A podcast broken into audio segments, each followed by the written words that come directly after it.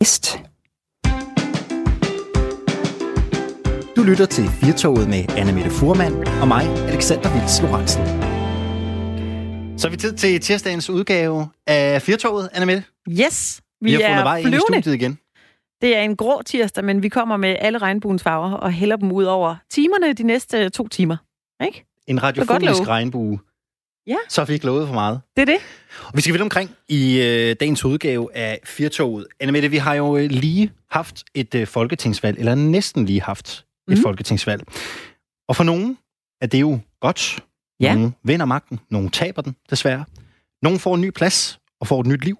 Ja. Men der er jo også nogen, der skal sige farvel til tinget. Ja. 34 skulle vi sige øh, farvel til den her gang efter Folketingsvalget 2019. Er der nogen, som du særligt kommer til at savne, eller er der nogen, du sådan særligt bed mærke i, ikke længere er på plads på Christiansborg? Uha.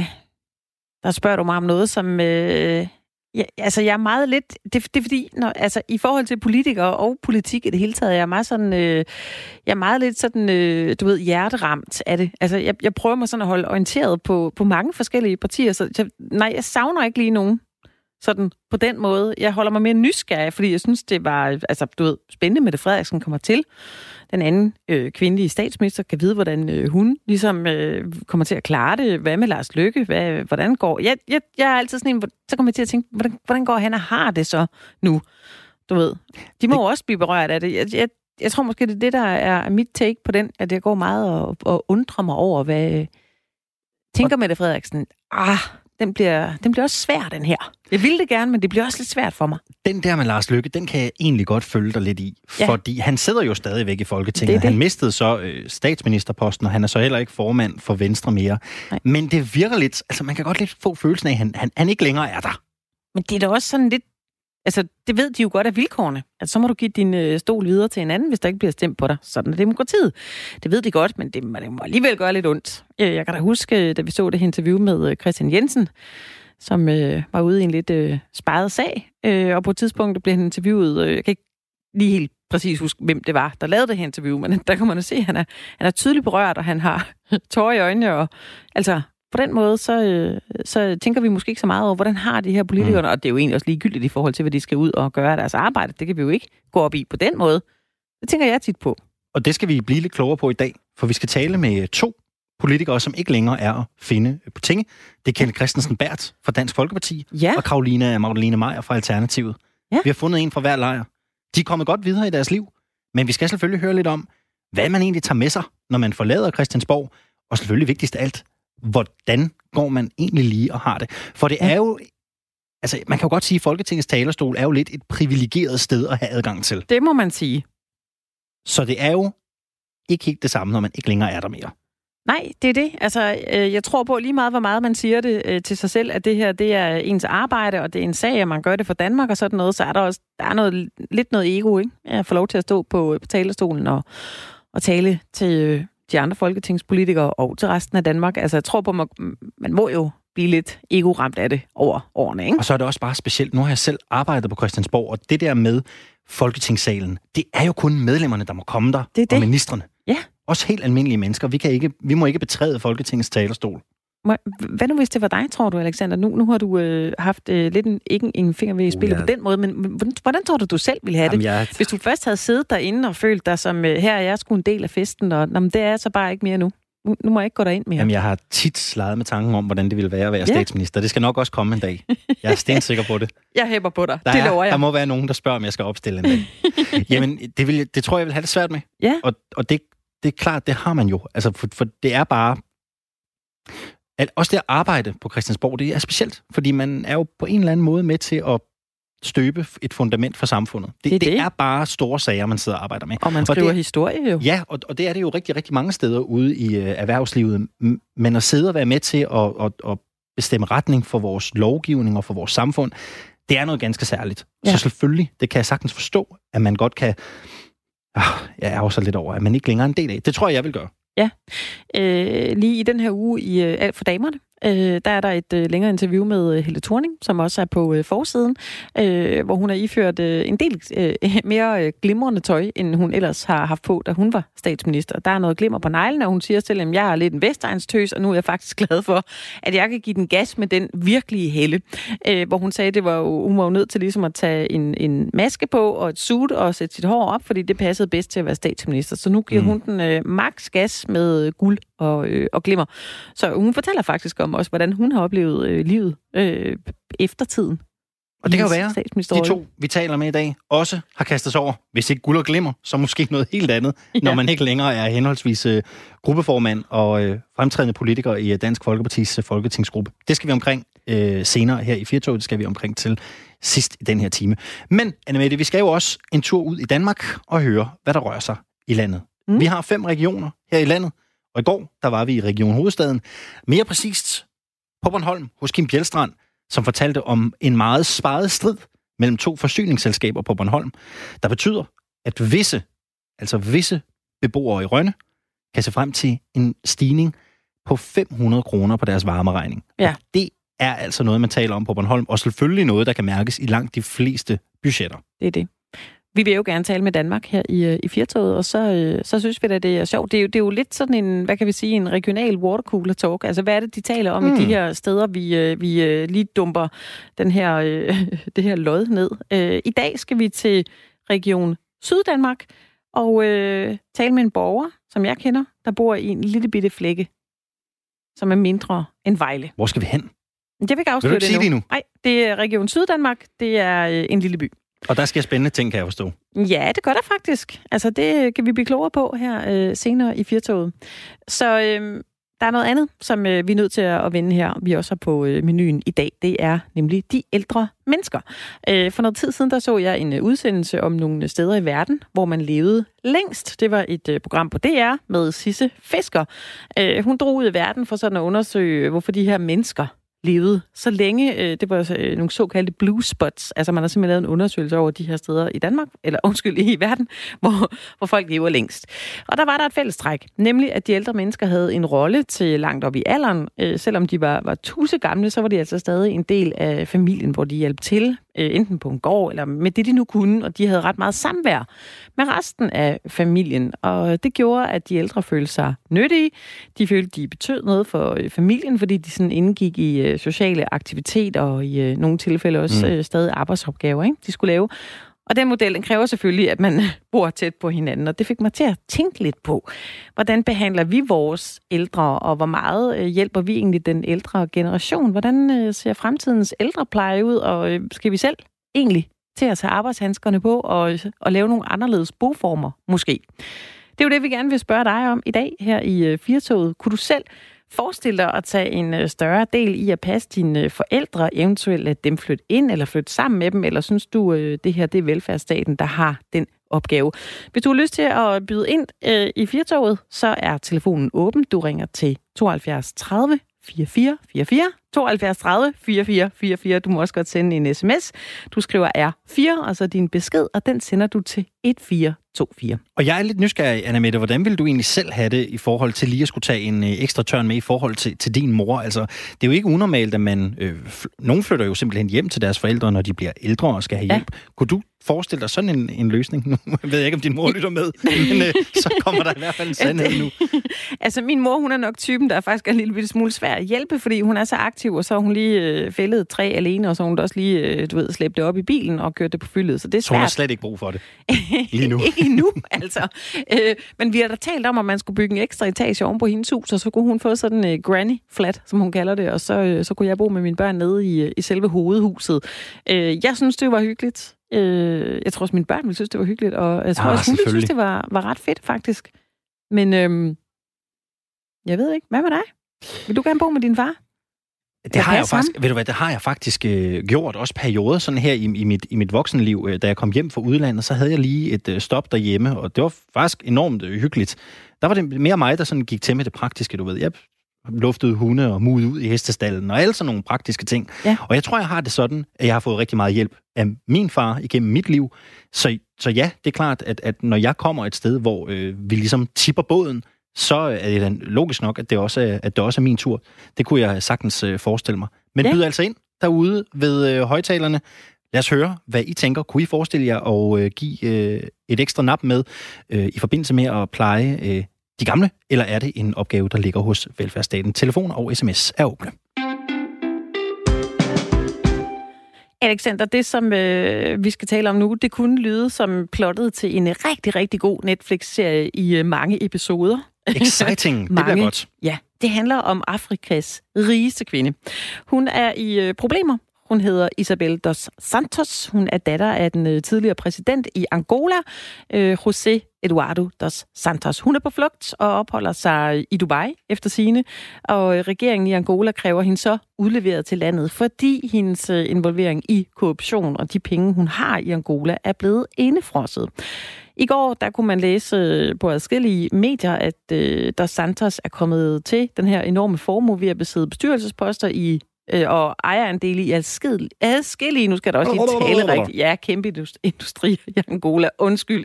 Men det handler altså om, øh, om noget olie og noget diamanter, ikke? Det ved du, det lugter penge, rigtig, rigtig mange Præcis. penge. Det øh, er afsløringer fra det internationale konsortium af undersøgende journalister, der har tilvejebragt mere end 715.000 dokumenter.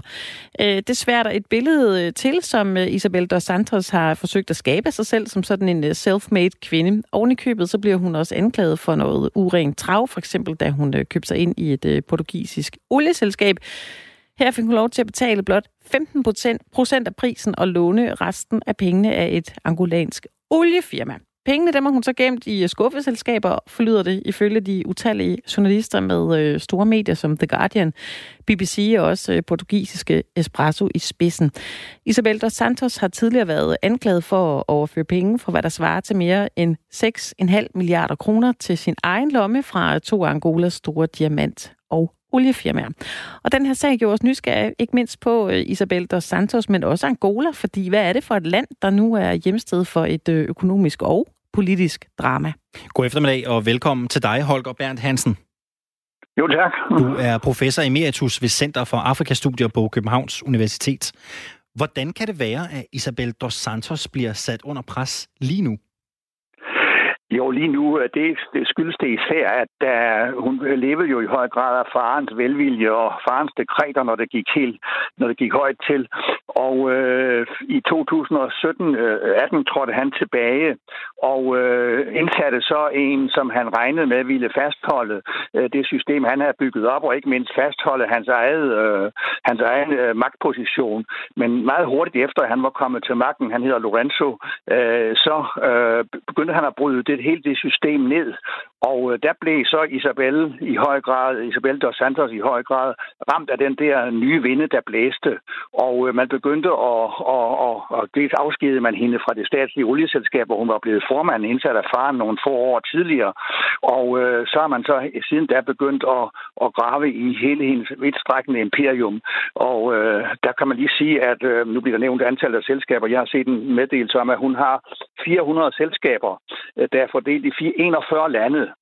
Så det er jo en forretningskvinde, der vil noget. Så det, her i virke, så det her er i virkeligheden sådan et, øh, et, et udbredt oprydningsarbejde i virkeligheden, der er sat ind under det her pres?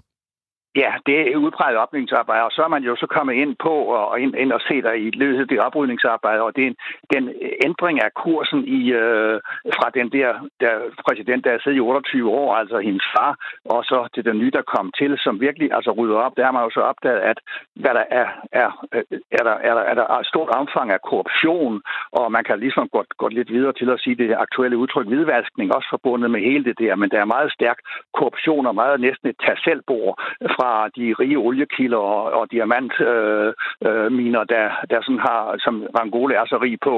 Øh, så det har næsten været sådan tag for hendes vedkommende, eller, og hendes mand også i øvrigt, for det er, de er et selskab, de to i meget høj grad. Mm. Holger Bern Hansen, hvad, hvad er Angola for et, øh, et land her i øh, 2020? Ja, det er et øh, land, som øh, har gennemgået var en, en portugisisk koloni, og øh, portugiserne gjorde intet for at udvikle landet, og de løb nærmest af gårde i 1975, og så kom der en, en kraftig borgerkrig mellem de to, to tre grupperinger, frihedsbevægelser, som man kaldte det. Og først øh, omkring øh, årtusindskiftet, fandt man 2002, fik man sådan rimelig stiftet fred på, på øh, området der. Øh, også da den kolde krig var hørt op, så ligesom man kunne have andre, andre andet klima til at komme videre. Og, øh, og der var det så, at øh, hele den periode med borgerkrig, og også helt frem til 2017-18, der sad Dos Santos så og var den, der byggede det op efter den der borgerkrig. Og der fandt man så under hele den periode fandt man meget rige oliekilder. Øh, Angola er den næststørste uh, producent af olie efter øh, Nigeria.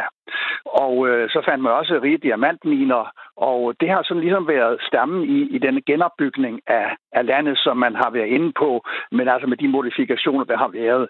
Og derfor skal man så sige, at der er i, i Angola et, et meget, øh, det har været meget autokratisk styre, i høj grad byggende på hæren, men men øh, så er der meget stor forskel mellem eliten og, øh, og øh, de almindelige mennesker. Og der er en meget fast etableret elite, mange gange af, af portugisisk oprindelse. Der er sådan en blanding af, port, af angolansk og portugisisk blod, kan man sige, i familierne. Og der er altså en meget stærk elite, som virkelig har taget for sig af retterne. Og øh, den har øh, Dos Santos, præsidenten, den gamle præsident, støttet. Og det er det, som øh, Isabel Dos Santos er en del af også. Så der er en meget store sociale og økonomiske forskelle i befolkningen, og man kan bare se det, når man kommer til hovedstaden Luanda, så alle de store, fine luksusbyggerier og, og ejendomme og, og lejligheder, der ligger ud mod vandet, øh, ud mod, mod Atlanterhavet, og, og hvor, hvor den rige del af befolkningen bor, så skal man ikke ret langt ind før der er slumkvartererne, og så længere ind i landet, hvor, hvor bønderne lever under meget fattige vilkår. Det er et meget uudviklet land, og som absolut ikke har fået nogen glæde af, af den olie, der er flyttet igennem årenes løb, og som ikke mindst, det, det skal man lige høre med til, Kinas var i høj grad aftager af olien, ved siden af amerikanske selskaber også, men, men Kina har en meget stærk position i, øh, i øh, Angola, også med, med, med en kraftig indvandring af kinesere, som, som ikke er lige populære alle, altid, men som sidder på væsentlige dele af, af det økonomiske liv, også gennem kinesiske firmaer osv. Så, videre. så det er sådan i, i høj grad, eller ligesom i kort fortalt, en profil af landet. Og det du siger her, synes jeg er særlig interessant, det her med, at man har, øh, man har fundet ud af, at her er nogle, øh, der er nogle olierigdomme, der er nogle, nogle øh, diamanter, og vi taler om et land, hvor de sociale skæld øh, er meget store. Når man har de her, øh, de her oliekilder, og man har den her øh, diamantbestand, kan du ikke sætte nogle ord på, hvordan forvalter man de ressourcer i Angola? Ja, det forvalter man på den måde, at man har sådan et statsligt olieselskab, og man har også et, et statsligt et, et, et selskab, der den forvalter diamanterne. Men, øh, men øh, olieaftagerne og hele olie, den internationale olieindustri er jo altså øh, ikke altid vores herres bedste børn. Og øh, der er meget med, at man, man holder sig til præsidenten og dem, der er ved magten, og det vil sige den, den kraftige elite, der er. Og der er muligheder for, for hvad man kan sige, eller ret store muligheder for at at købe sig til, øh, til en øh, favorabel position i forbindelse med, med at købe, når man køber olien. Altså der er brune kuverter over og under bordet i meget høj grad, meget tit over bordet også, for det var ret klart øh, gjort. Og så er det jo altså en, en business, som den internationale oliesektor er en business, hvor man har, har altså, altså ligesom også øh, pumpet olien op, og den ligger ude i vandet og ikke inde på kysten, så man er ligesom lidt mere skjult fra, fra omverdenen. Og der kan man altså så pumpe øh, mange flere liter op, end man egentlig deklarerer. Så der er altså en mulighed for en bred udnyttelse af, af, af de olie, rige olieforekomster, de har, hvor man altså ikke afregner for, for at det antal liter, man nu, eller hvad, hvad, hvad man, nu, øh, man nu øh, pumper op og, og, og tager med hjem, enten så til Kina eller til, til USA. Mm. Man har ført hørt, øh, hørt historier om, at, at vestlige lande og virksomheder har, har drevet rovdrift på øh, det afrikanske kontinents ressourcer. Er det her også tilfældet med øh, Angola? Ja det, det er, ja, det er i høj grad tilfældet. Altså øh, næst efter, øh, eller på linje med Nigeria, så er Angola, det er de to lande, som man ligesom regner med, hvor virkelig er, er, er, at internationale øh, udnyttelse og, og, og, og, og, og udbytning øh, af, af, af Afrikas ressourcer har, er gået stærkest, hjulpet af en, øh, en gruppe, elitegruppe, som jo altså har, har smurt sig selv og, og, og udnyttet sig selv også. Og det, det er utroligt, det, det, det, det liv, som, øh, som lokale oliemagnater har kunne leve, øh, og, og jetlife, øh, jet, jet, jetlivet, altså, som også Isabel dos Santos har været del af i London og Portugal. Øh, det, er helt, det, det er virkelig, øh, der er Angola et meget klart eksempel siden Nigeria på, hvordan det udbygning af Afrikas ressourcer har fundet sted med tvivlsomme metoder og, og med konsulentfirmaer, som har overfaktureret og underfaktureret, hvad man nu skal kalde det. Joao Lorenzo er præsident nu, og han har altså deklareret et opgør med korruption. Betyder det her, Holger Berndt Hansen, at Angola er på vej mod stabilitet som stat og national økonomi? Ja, det, det er i hvert fald, det er i hvert fald, det er, det er nok for tidligt at trække øh, siger den, den, er, den er øh, på vej, for der er så meget, der skal ryddes op i, og det er det, man er startet på i første række. Men, men jeg synes, man må, må nok sige, at, at øh, der er startet en helt ny linje, øh, som øh, kunne tyde på, at man ligesom prøver at, og, og også at, at tænke på den brede befolkning, som lever i yderste fattigdom, og også lade dem få, få glæde af, af, af det, de ressourcer, man nu engang har. Og øh, så, så der er tendenser i høj grad, der peger i, i, i en rigtig retning. Men det er et enormt oprydningsarbejde, og forløbig er man altså ligesom prøver, hvor mange midler kan man få tilbage af de midler, der er misbrugt i årenes løb. Og det er ligesom sagen omkring Isabel dos Santos gælder om, hvor meget kan man få tilbage. Øh, øh, man har jo sådan, og visse banker, øh, ikke mindst i Portugal har jo lukket, og, og, og man forhandler kraftigt om, og, og, og det er også derfor, man vil have en udleveret, og, og simpelthen at få klarlagt, hvor, hvor mange af de penge kan man, kan man få tilbage igen, ligesom vi har, altså ligesom med hvidvaskmidler, forsøger at få dem tilbage, så vil man selvfølgelig også forsøge at få dem tilbage i Portugal. Men man er også begyndt på at, at, at, at, at arbejde meget aktivt for at komme den helt gennemgribende korruption til liv, som har, har præget systemet hele vejen igennem siden uafhængigheden. Og øh, så det, det er man også forsøgt. så man, har, man, man, man trykker på nogle rigtige knapper, og man, man kan godt sige, at man er i hvert fald begyndelsen på vej til at, at, at bedre forholdene. Øh, og man må så håbe, det lykkes for den nye præsident og ligesom at gøre op med det moras, som der har hersket hidtil. Og der, der bliver det spændende at se. Nu, nu tager han datteren og, og svigersønnen, og, og der er også en anden bror, som er, er, har været fængslet og sådan noget der. Det store spørgsmål, det er jo, om han tør gå videre til faren, altså den, den gamle præsident, som, som, som stadig bor i, i Angola. Om han, om han tør røre ved ham, og om han tør, tør, tør, tør lade opgøret gå helt til top på den måde der. Det bliver spændende at se. Nu har han altså startet meget kraftigt, nu de startet meget kraftigt med datteren, og også forlanger hende udleveret. Så hvor længe man kan Øh, fred faren, og hvor stærk han egentlig står efterhånden i det portugisiske eller i det angolanske samfund, det ved man ikke helt. Det bliver spændende at se. Nu taler vi jo meget om Angola og Isabel dos Santos og den her øh, sag og de her øh, tydelige tegn på, på et system, der ikke fungerer. Hvis vi nu prøver at kigge ud over Angola og ser på Afrika som, som, som kontinent. Er det, her, er det her nogle situationer med, med, med, med korruption og, og, og lignende forhold? Er det noget, man kender i andre, i andre afrikanske lande også, eller er det her en helt unik sag?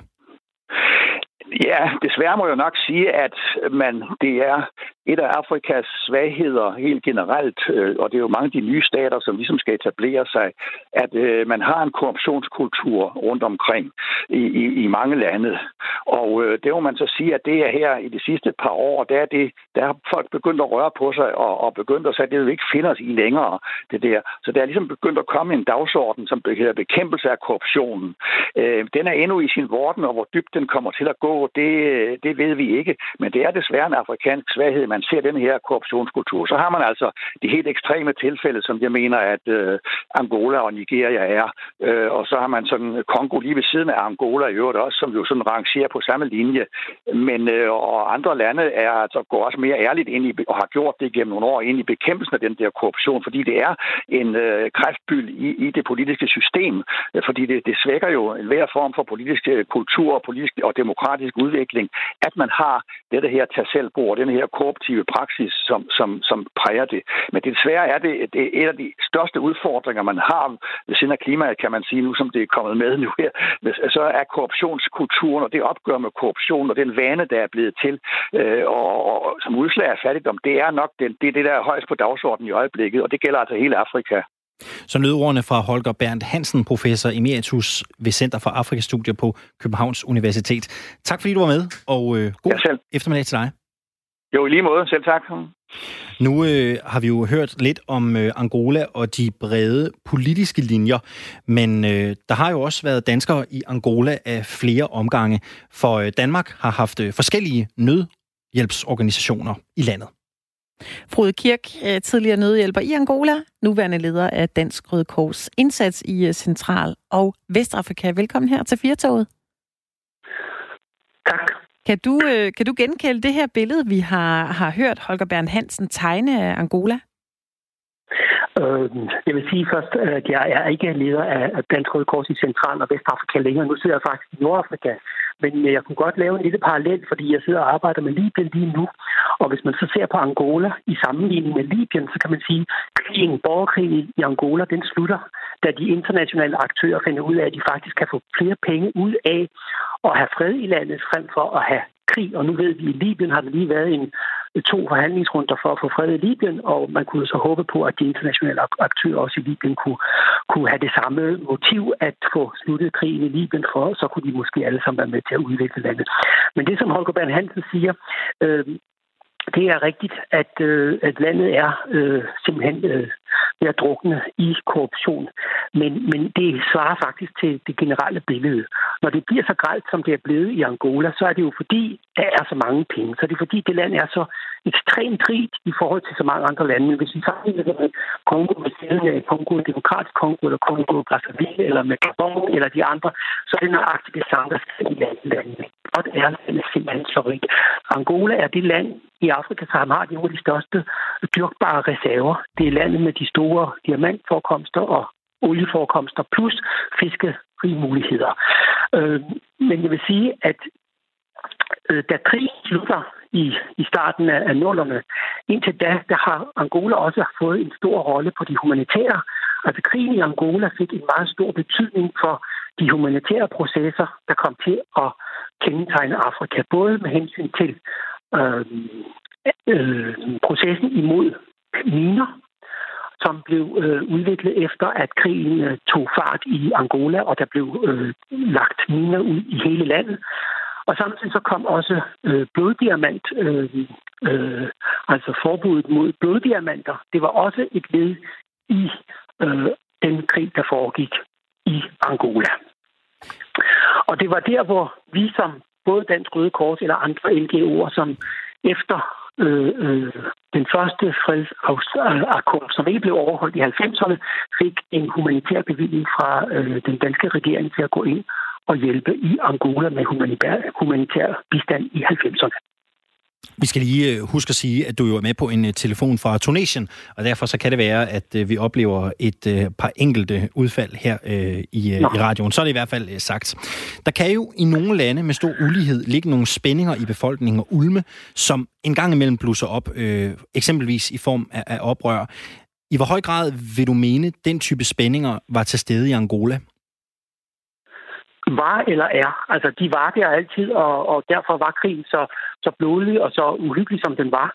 Men, men altså, interessen for at, at, at øh, komme videre var samtidig også så stor, og samtidig var de økonomiske internationale interesser, at, at det overkom man jo. Men det, der sker lige nu, det er jo, at at på grund af, at olien, oliepriserne er faldet så drastisk, som de er, så fattes Angola jo nu penge.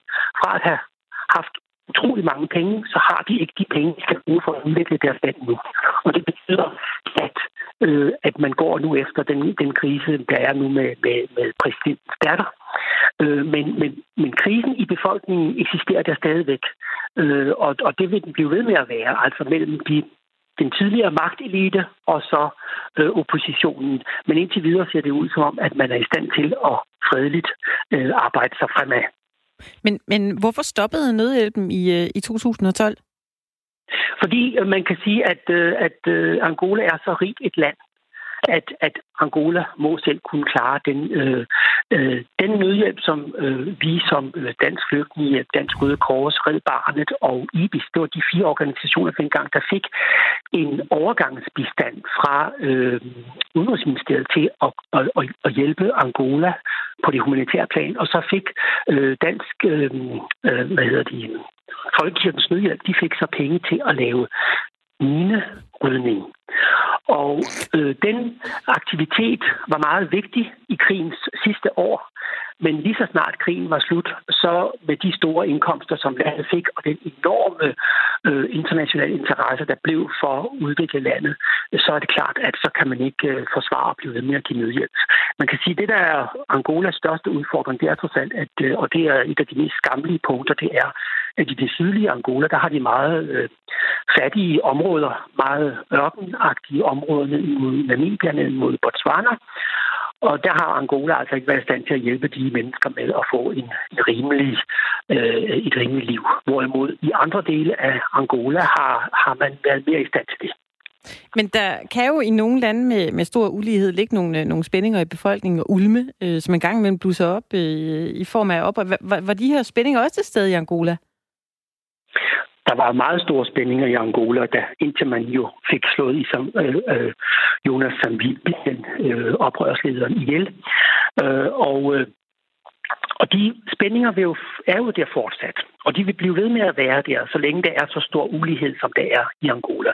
Men Angolas fordel har været, at de har haft så mange penge, så de har kunnet lave øh, en delvis øh, inklusion, altså en delvis øh, støtte til at øh, få befolkningen med Øh, de så ikke godt nok i forhold til det, som, øh, som øh, øh, Holger Bernd Hansen netop sagde, så var det altid sådan, at man ved godt, at, at øh, præsidenten han fik en ret stor procentdel af, af olieindkomsterne. Det, det var bare sådan. Men øh, det var hele eliten, der gjorde det. Og øh, den øvrige øh, befolkning, øh, de har så måtte ja, øh, finde sig i, i de forhold, de har levet under. Men samtidig var der alligevel så meget indkomst og så meget, der, der ser ud til de forskellige regioner, og samtidig med, at de havde et så, et så rigt og så frugtbart land, som de har, så har det jo altså været i stand til at, at holde udviklingen og befolkningen nogenlunde i ro, kan man sige. Men øh, Angola er jo et land med, øh, med stor økonomisk ulighed også. Altså, mærkede du noget til den, da, da du var der? Jamen altså ikke mere, end man mærker i alle andre afrikanske lande, hvor der er stor ulighed, at du har øh, den store elite, som, som kører på første klasse, og det gjorde de meget i Angola, det ved vi alle sammen. Øh, men, øh, øh, og så har du den, den, øh, den store befolkning, som ikke har adgang til, øh, til øh, ressourcerne. Og det var der, vi lavede, altså lige før uafhængigheden, da portugiserne i 1975 bliver klar over, det, det, det mister vi. Der var de jo gået i gang med en meget stor opbygning af skoler lokalt, for ligesom at, at vinde befolkningens hjerter. Og alt det bræssede sammen, da krigen begynder. Og, og øh, derpå så, øh, det som vi som øh, danske NGO'er, vi gjorde, da vi kommer til Angola, det er, at vi går ind og hjælper dem med at få genopbygget de skoler, prøve at få dem til at, at få det til at fungere, få sat øh, skolebænker få dem noget materiale på. Vi laver øh, oplysning om miner. Vi, øh, vi hjælper dem med vand. Vi hjælper dem sågar med landbrug. Jeg kan huske, at vi havde øh, vi øh, udgav bøger om maniokdyrkning, og øh, vi havde en masse aktiviteter med oplysning øh, generelt. Så en, det er faktisk en befolkning, som er meget øh, påvirket af den øh, portugisiske meget åbne kultur, og meget interesseret i at, øh, at komme videre. Ja. Frode Kirk, tidligere nødhjælper i Angola. Tak fordi du var med her i øh, Firtoget og gjorde os øh, klogere på det. Kan du have en fortsat god dag? Tak selv. Vi uh, taler om øh, vores øh, ældre i dag her i øh, Firtoget, og øh, det gør vi jo, fordi vi øh, har undret os lidt på redaktionen over, hvad der egentlig er den rette måde at behandle ældre mennesker på. Ja, og skal, skal de være at hjælpe dem mere? Skal vi tage større del i deres øh, hverdag, eller hvordan skal vi egentlig øh, skrue det sammen? Er det velfærdsstaten, der simpelthen bare øh, må tage sig af det, eller øh, burde vi måske tage, tage arbejdshandskerne på og, og, øh, og hjælpe lidt til? med de ældre? Senest har der jo været en øh, borgmester, hvis jeg ikke tager meget fejl, som faktisk har øh, meldt ud, at øh, flere af de her pleje- og omsorgsopgaver skal rykke ud i familierne igen, så det faktisk er de nærmeste, der hjælper til med, øh, med de her opgaver. Ja. Og vi har jo spurgt, hvad I tænker. Skal vi give den op mere med, eller er det en øh, velfærdsstatsopgave? Den er lagt ud på øh, sms'en i dag, og øh, vi har fået en øh, vin sms ind, som er i øh, lidt den lange ende. Men jeg tænker lige at øh, læse den op. Vores samfund burde støtte folk i at flytte sammen med bofællesskaber og lignende, uanset om man er familie eller ej. Som vi kører samfundet nu, så straffer man folk økonomisk, og det skaber endnu mere ensomhed, end vi har her i landet i forvejen. Lad det være en fordel både for den enkelte og fællesskabet, at folk flytter sammen, for i den sidste ende, så sparer vi garanteret penge på sundhedsvæsen og får glæde ind, også blandt de hjælpere, som bedre kan forlade de gamle efter endt arbejde og vide, at de gamle ikke er alene. Det handler om livskvalitet, bliver der skrevet. Ja, det kan jeg da kun tilslutte mig. Altså, øh, det var det, du også spurgte mig om lige før. Mm, kunne du finde præcis. på at flytte sammen med, øh, med min mor? Og øh, ja, det kunne jeg da faktisk godt. Øh, det var Jens Ive, som øh, var øh, eller som er borgmester i øh, Rudersdal Kommune, som øh, kom med den her melding, at han synes, øh, man, øh, hvis man fik familien og de pårørende lidt mere på banen her, så kunne man øh, måske også spare nogle penge øh, med socioassistenterne og, og øh, ja, altså måske give dem, øh, hvad skal vi sige, nogle, nogle flere ressourcer, øh, så de kunne hjælpe øh, dem, som virkelig trængte. Øh, Det han var inde på, det var, der, øh, du ved, var, var tit nogle ældre mennesker, Mm. som behøver de egentlig, og øh, altså skal kommunen betale en socioassistent for, at de kommer forbi og siger goddag og til en kop kaffe, eller måske øh, får en snak, hvad de lige havde behov for, eller kunne man måske sige til familierne, hør her, mm. vi ser jer som en ressourcestærk familie, måske I kunne øh, træde til øh, et par dage om ugen, eller hvad det nu kunne blive til. Det var det udspil, men det er jo et udspil. Og vi spørger øh, derfor i dag, om øh, det er noget, I kunne forestille jer. Altså, skal vi øh, selv være lidt bedre til at passe på de ældste? Meld ind på telefonerne, de er åbne. Det er 72 30 44 44. 72 30 44 44 er nummeret her ind til studiet, hvis du har lyst til at blande dig i debatten. Og Anne Mette, man kan jo også sende en sms ind til os, hvis man mere har lyst til at ytre sig på skrift. Ja, det er det. Man skriver R4, kommer med et mellemrum og øh, sender beskeden afsted til 1424, altså 1424, og så øh, glæder vi os til at læse sms'erne op her i studiet. Nu skal vi øh, til at beskæftige os med øh, nogen, som øh, engang har været øh, på tinge, men som ikke er det længere. Vi havde folketingsvalg i 2019, den 5. juni, for at være helt præcise. Og øh, vi fik jo en ny regering, nye folketingsmedlemmer fik vi også. Nogle partier fik flere, og nogle skulle også sige farvel til en øh, hel del.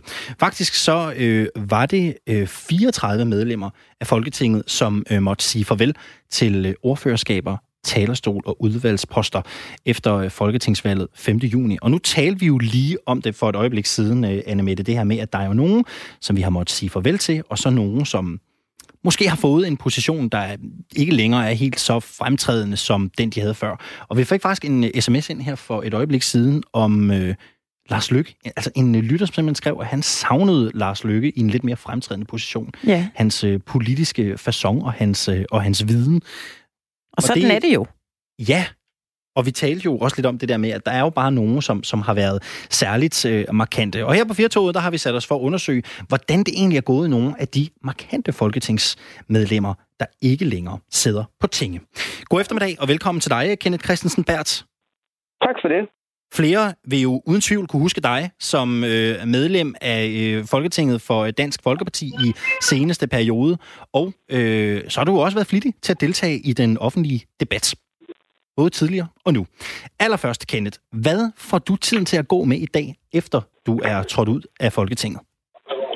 Altså, jeg har jo øh, fået job på øh, Christiansborg øh, i øh, Dansk Folkeparti's pressetjeneste.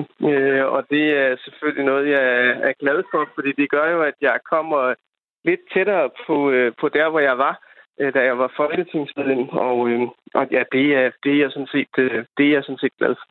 Så du er presserådgiver i samme parti, du selv har været folketingsmedlem for. Det, det får jo mig til at tænke, er det ikke sådan lidt mærkeligt at gå fra at være et folketingsmedlem, som bliver serviceret af presseafdelingen, til at sidde i et sekretariat, hvor du nu faktisk skal til at servicere medlemmer? Det skal man vende sig til, det er klart, men, men det er noget, som... Øh, altså, vi har jo i Dansk Folkeparti en relativt, øh, hvad, modsat hvad mange tror, så har vi faktisk en relativt øh, flad hierarkisk struktur. Så det er ikke sådan, at øh, man har hunderet, fordi man er øh, folketingsmedlem. man skal stadigvæk opføre sig ordentligt over for de ansatte. Øh, og øh, de ansatte skal selvfølgelig også opføre sig ordentligt over for politikerne.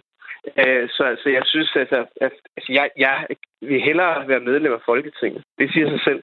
For der kan man offensivt blande sig i, hvad der foregår og sætte en dagsorden på en helt anden måde, end man kan øh, som pressemedarbejder. Men når det nu ikke kan være sådan, så er jeg sådan set glad nok for at den stilling, jeg har fået. Får man et øh, andet forhold til ens tidligere medlemskollegaer, når man ikke længere selv sidder i øh, Folketingsgruppen?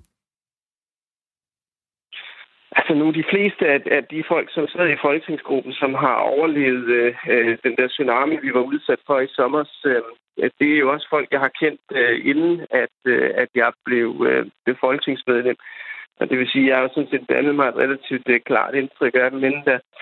Så, så nej, jeg, det synes jeg egentlig ikke, øh, det synes jeg egentlig ikke, øh, man gør. Altså, selvfølgelig er der nogle folk, der, der øh, selvfølgelig har øh, nogle folk en, en anden omgangstone, øh, når man er kolleger i forhold til, når man ikke er kolleger, men, men det er jo ikke nogen af dem, som, som i dag sidder i folketingsgruppen. Det må man sige. Jeg kom egentlig til at tænke på, uh, Kenneth, det her med, når man er medlem af Folketinget, så har man jo også en stol inde i Folketingssalen, og man kan gå på talerstolen. Men når man er almindelig partiansat, så er der vist et eller andet med, at man ikke kan gå ind i Folketingssalen. Altså, savner du nogensinde at træde ind i den der fine danske Folketingssal? Hver dag. Så kort kan det, det siges. Hver dag. Fordi hvis der, hvis der er noget, som jeg øh, som, øh, som politiker brændte for, så var det at deltage i en politisk debat. Øh, og have en stemme i den politiske debat. Øh, også kunne indimellem skælde lidt ud på, øh, på mine kolleger fra de andre partier. Og den, øh, den har jeg jo ikke øh, længere, øh, desværre. Jeg håber at få den igen på et tidspunkt, men lige nu har jeg den ikke.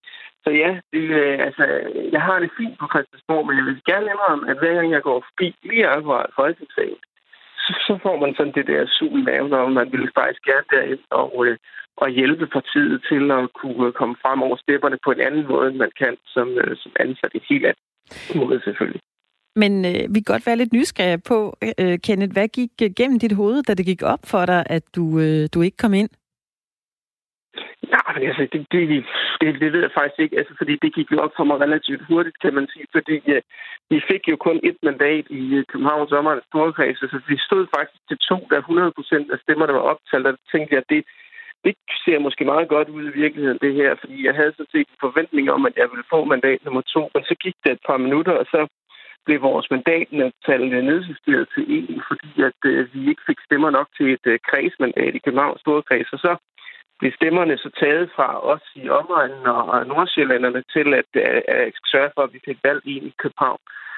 Øhm, og det, det må jeg sige, det, det der med, at, at efter at stemmerne er talt op 100 procent, og der er sat et total ud for, hvor mange stemmer, øh, eller hvor mange mandater øh, Dansk Folkeparti får i Københavns omegn, og at de så bliver nedjusteret til en, og man så fra det ene sekund til det andet finder ud af, at så er der bare ikke nogen chance. Det er, øh, Øh, det, det var rimelig hårdt, det vil jeg gerne indrømme. Altså, jeg, jeg ved ikke, hvordan I har det, men, men jeg har det sådan, at når jeg ser tallet 100 procent, så regner jeg med, at, øh, at, at den sådan lidt er hjemme. men, øh, men altså, sådan er det altså ikke, når man, øh, når man tæller stemmer op i, øh, i storkreds, fordi der er storkredsen jo, øh, hvor mange mandater man får i storkredsen, det er afhængigt af, hvor mange mandater man får i andre storkredse. Så, øh, så det var lidt en mavepuste. Kenneth, du fik jo fornøjelsen af at sidde i øh, en, en kæmpestor folketingsgruppe for Dansk Folkeparti. Du har blandet dig mm. enormt meget i øh, debatten. Du har haft rigtig meget på hjerte om øh, amerikansk præsidentvalg. Du har haft rigtig meget på hjerte om, om EU. H- hvad er du mest stolt af at have udrettet i den periode, du nåede at sidde i Folketinget? Ja, mange ting, men skal jeg nævne øh, et par ting, så er, jeg, så er det faktisk en af de ting, det er uden på mit ordførerområde, Altså, at jeg øh, fik øh, sørget for, at vi fik et støjværk i Valgsbæk, støjværk i Valgsbæk Kommune langs Holbæk Motorvej. Øhm, fordi det var noget, jeg havde øh, slået hårdt på i valgkampen, og det blev en del af den aftale, som blev indgået med regeringen, øh, derværende regering og Dansk Folkeparti tilbage i foråret. Øhm, den er altså nu øh, taget af bordet, så jeg er ikke sikker på, om det kommer eller ej. Men, men det, er, det er jeg glad for, hvis det viser sig, at det kommer. Og det andet er selvfølgelig den aftale, som blev lavet omkring øh, Danmarks fortsatte øh, medlemskab øh, af Europol, som jeg jo var en del af, af den gruppe i Folketinget, der, der forhandlede den på plads. Så de to ting vil jeg nævne som, som noget af det, jeg er mest tilfreds med. Mm. Hvordan, øh, hvis vi nu spørger dig, øh, om du vil genopstille, hvad vil du så svare? klart ja. Øhm, altså, hvis jeg ellers er, har mit øh, gode helbred og så videre, øhm, så er jeg selvfølgelig klar til at, at stille op igen. Men jeg kommer til at tænke på, Kenneth, du er jo også sådan en politiker, der i den grad virkelig har delt vandene. Øh, mm. det, det har ikke altid, tænker jeg, været let for dig at øh, melde holdninger ud på øh, sociale medier eller andre platforme. Det har vel også været lidt hårdt, det her med at, at, at gå øh, til at være en meget, meget eksponeret øh, politiker, som rigtig mange har en, en holdning til. Det har vel også haft en, en, en konsekvens? Jo, men øh, det har alt. Altså alle valg, man træffer, har konsekvenser, og øh, det må man bare acceptere. Øh, altså, så længe konsekvenserne bare går ud over mig, så har jeg det sådan set fint med det. Jeg har noget mere anstrengt forhold til, når det går ud over mine børn. Det skal jeg ikke øh, have nogen tvivl om. Øh, og det er jo i virkeligheden det, som jeg øh, synes har været mest frustrerende, at, øh, at øh, mine børn, som jo, øh, altså det er ikke den yngste, det er gået ud over, men mine to andre børn, som er øh, i dag med 6 øh, og 9, at, øh, at de ligesom øh, skal høre for, for mit øh, partitilførsforhold og de holdninger, som jeg har, det forstår jeg ikke en bjælle af, og jeg synes, det er urimeligt. Øhm, men, øh, men altså, at, at, at folk øh, siger nogle ting til mig, det tager jeg sådan set øh, helt stille og roligt. Det, øh, jeg synes, det er fint, at folk kommer af med deres ting. Altså, det synes jeg, det skal selvfølgelig helst foregå i en god og ordentlig tone, men, øh, men, øh, men jeg har, det, har jeg ikke, det har jeg ikke nogen problemer med. Kenneth Christensen Bær, tak fordi du var med her i øh, Firtoget og fortalte os lidt om, hvordan livet ser ud. Øh, vi kan vel godt sige lidt behind the scenes. Ja, det være fair. God dag til dig. Tak lige meget. Og vi hopper fra den ene ende af den øh, politiske skala til den anden. Fra Dansk Folkeparti skal vi øh, en tur til den øh, tidligere alternativist, Karolina Magdalene Meier. God eftermiddag og velkommen til dig. Tak skal du have, og god eftermiddag. Du har været øh, politisk øh, ordfører og også gruppeformand for Alternativet. Start med at fortælle mig, hvordan ser dit liv ud i dag?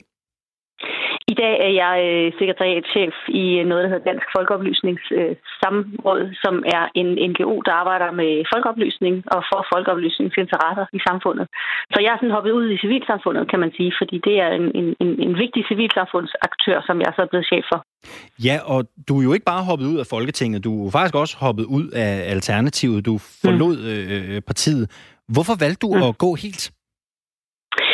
Gjorde jeg af to øh, årsager, og den ene var sådan set, at jeg havde brug for sådan at have, kan man sige, øh, ryggen fri, eller ikke at skulle være sådan øh, klistret fast øh, sammen med et politisk parti, når jeg skulle ud og søge job efter, at jeg havde siddet i Folketinget. Og det, det siger jeg sådan set bare, fordi mange tror, at det er en fordel at have været politiske øh, øh, altså har været MF'er, altså siddet i Folketinget. Men det kan også være en ulempe for nogen, som tror, man, man hiver sit gamle partis mærkesager og, og politiske ståsted med sig.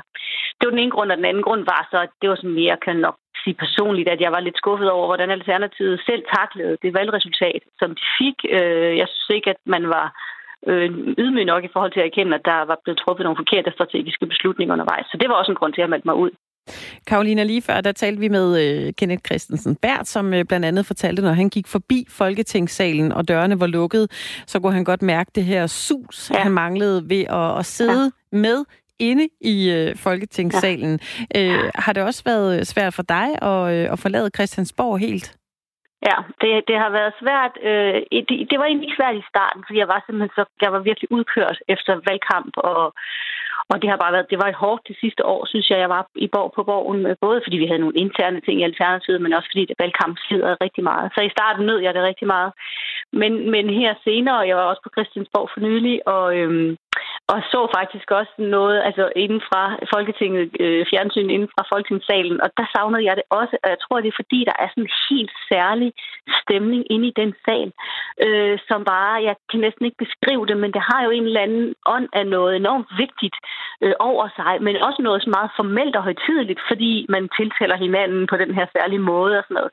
Og der gav det altså også lige et sug i maven på mig. Jeg kunne mærke, at hold da op, det savner jeg faktisk, selvom jeg faktisk ofte var så træt af at være i Folketingssalen, da jeg var i Folketinget, fordi man er jo bundet til den der sal rigtig, rigtig mange timer og sene aftener og sådan noget. Ikke? Men øh, jo, det jeg savner det også, det kan jeg godt, det, det gør jeg også en gang med. Nu har du jo både været politisk ordfører og gruppeformand. Det vil sige, du har været enormt meget i front på dit mm. partis, dit tidligere partis politik. Hvad mm. har du været mest stolt af at være med til at udrette i den tid, du sad i Folketinget? Noget af det, jeg har været mest stolt af at være med til udret, det er sådan set at prøve at, øh, som jeg synes Alternativet lykkedes med, uagtet med, at de fik et dårligt valgresultat, det er sådan set at, at sætte den grønne øh, omstilling på, øh, på, på middagsbordene rundt omkring i Danmark. Altså man må jo alle, jeg tror, vi alle sammen er enige om, at at vi har alle sammen som borgere flyttet os over de sidste fem år i forhold til, hvordan vi ligesom tager klimaforandringerne alvorligt øh, som borgere og som samfund. Og det tror jeg, at, at Alternativet har haft en stemme med i i forhold til at presse på. Og det, det, det er jeg sådan set stolt af. Konkret er jeg også ret stolt af, at Alternativet var med til at indføre borgerforslagsordningen, som jo var et, øh, i starten et øh, beslutningsforslag fra Alternativet, som jeg synes er en udvidelse af demokratiet, som er rigtig sund for Danmark. Så det er nok de to ting, jeg vil pege på. Nu er du som sagt ude af Folketinget, du er ude af Alternativet. Det er jo ingen hemmelighed, mm. som du også selv er inde på. Der har været nogle interne diskussioner i Alternativet. Mm. Lige nu skal man finde ud af, hvem der skal være ny formand mm. for partiet, og debatten har i, har i på mange måder været rimelig øh, stærk og også til tider voldsom omkring Alternativet. Mm. Hvordan føles det at sidde på den anden side og være vidne til det, når man er trådt ud af det? Jamen, det føles lidt ambivalent, fordi på den ene side, så er det jo, altså man skal jo bare høre øh, en debat, øh, eller læse et debatindlæg, eller nogen, der, der udtaler sig, og så kan man lige pludselig præcis huske, hvordan det var. Også at være inde i den mølle, som, som jo var nogle gange svær i Alternativet, fordi der var en periode med meget usik eller utryghed, eller meget sådan ballade og mediehistorier. Øh, og omvendt, så, så, så man kan sige, at jeg kan genkende det, og nogle gange tænker jeg også, det skal være ærligt at sige, godt, jeg er ude af det. Altså den del af det, ikke? Alt det, der handlede om dårlig medieomtale og, øh, og intern uro og sådan noget, det slider rigtig, rigtig hårdt, både på en selv, men også på de relationer, man har til sine kolleger inde på borgen. Ikke? Så, så den del af det savner jeg ikke, det skal være ærligt at sige. Ganske kort her til sidst. Nu er du ude af mm. Alternativet. Mm. Kommer vi nogensinde til at se dig tilbage i dansk politik?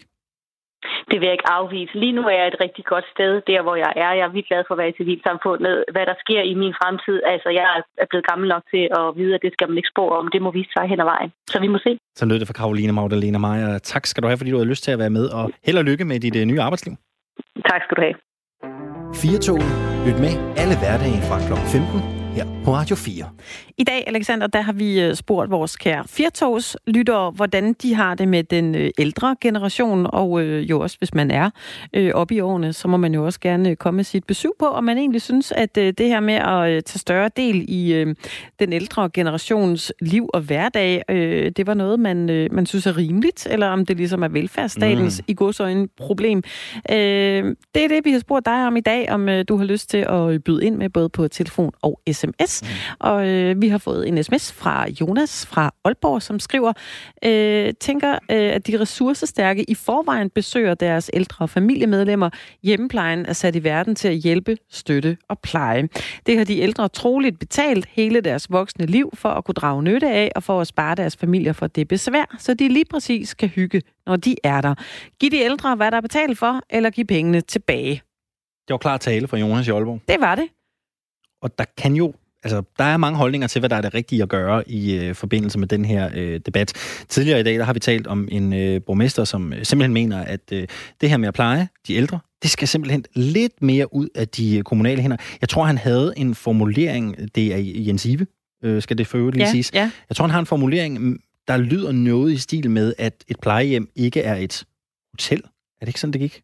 Jo, det var det. Altså hans pointe i, ja. Øh, i det, han, han øh, udtaler sig til, øh, til Berlingske, det er, at, at hvis der er ressourcestærke familiemedlemmer, så kan de lige så godt tage over øh, og, mm. og yde den øh, indsats, som øh, socioassistenterne jo har, og har som deres arbejde og få penge for. Det var det, han mente, fordi så mente han, at man kunne dels spare nogle penge, øh, og så kunne man også give øh, de socioassistenter, der var i den her pågældende kommune, øh, mere øh, tid til de borgere, som øh, måske ikke har ressourcestærke familier, der kan hjælpe dem. Og hvad er dit syn på sagen ude ved højtalerne? Telefonerne de øh, er åbne her ind øh, til øh, Firtoget. 72 30 44 44, 72 30 44 44, hvis du vil blande dig i debatten. Ellers så kan du også sende en sms ind til os. Som sædvanligt, så skriver du R4, laver et mellemrum, kommer med din besked og sender det afsted til 1424. 1424 er altså nummeret, og så øh, taler vi jo meget videre om det her i øh, næste time af Firtoget. Men vi skal jo til at runde første time af. Vi har været vidt omkring i dag, Anne Mette. Vi var en tur i øh, Angola og høre om sige. en sag, der jo nærmest minder om noget, man kunne se på HBO eller Netflix. Ja, altså der er så mange elementer i det her plot med øh, øh, meget, meget rig kvinde, som øh, er ude i noget korruption, diamanthandel, øh, olie, øh, altså øh, enormt mange penge. Var det 500, var det 1,6 milliarder dollars, tror jeg det var. Det var deromkring. Øh, ja, Det, det er jo og så de penge ved man ikke penge. rigtig, hvor er hende, og de er ligesom øh, placeret rundt omkring. Hun skulle så lige nu, efter sine øh, opholde sig i Dubai. Og ifølge Holger Berndt Hansen, som vi talte med, som altså er professor emeritus på Københavns Universitet, så er det her jo øh, ikke bare desværre et billede, vi ser i øh, Angola. Det er et øh, billede, der tegner sig i hvert fald med omfattende korruption i flere af de afrikanske lande. Vi fik også sagt farvel til et par medlemmer af Folketinget, som ikke længere er medlemmer af Folketinget. Karolina Magdalena Maj og Kenneth Christensen Bært, Der, den ene ved, at han vil genopstille, den anden er ikke helt øh, sikker på det. Det er det. Vi var lidt nysgerrige på, hvordan er livet, når man ligesom er tjekket ud fra øh, Folketingssalen, og den savnede de begge to, kunne vi høre. I næste time skal vi undersøge, som sagt, hvordan fremtidens ældrepleje kan komme til at se ud. Skal vi selv have handsken på og passe vores ældre, eller skal det 100% være en opgave for velfærdssamfundet? Det og meget mere i Firtoget på den anden side af nyheder.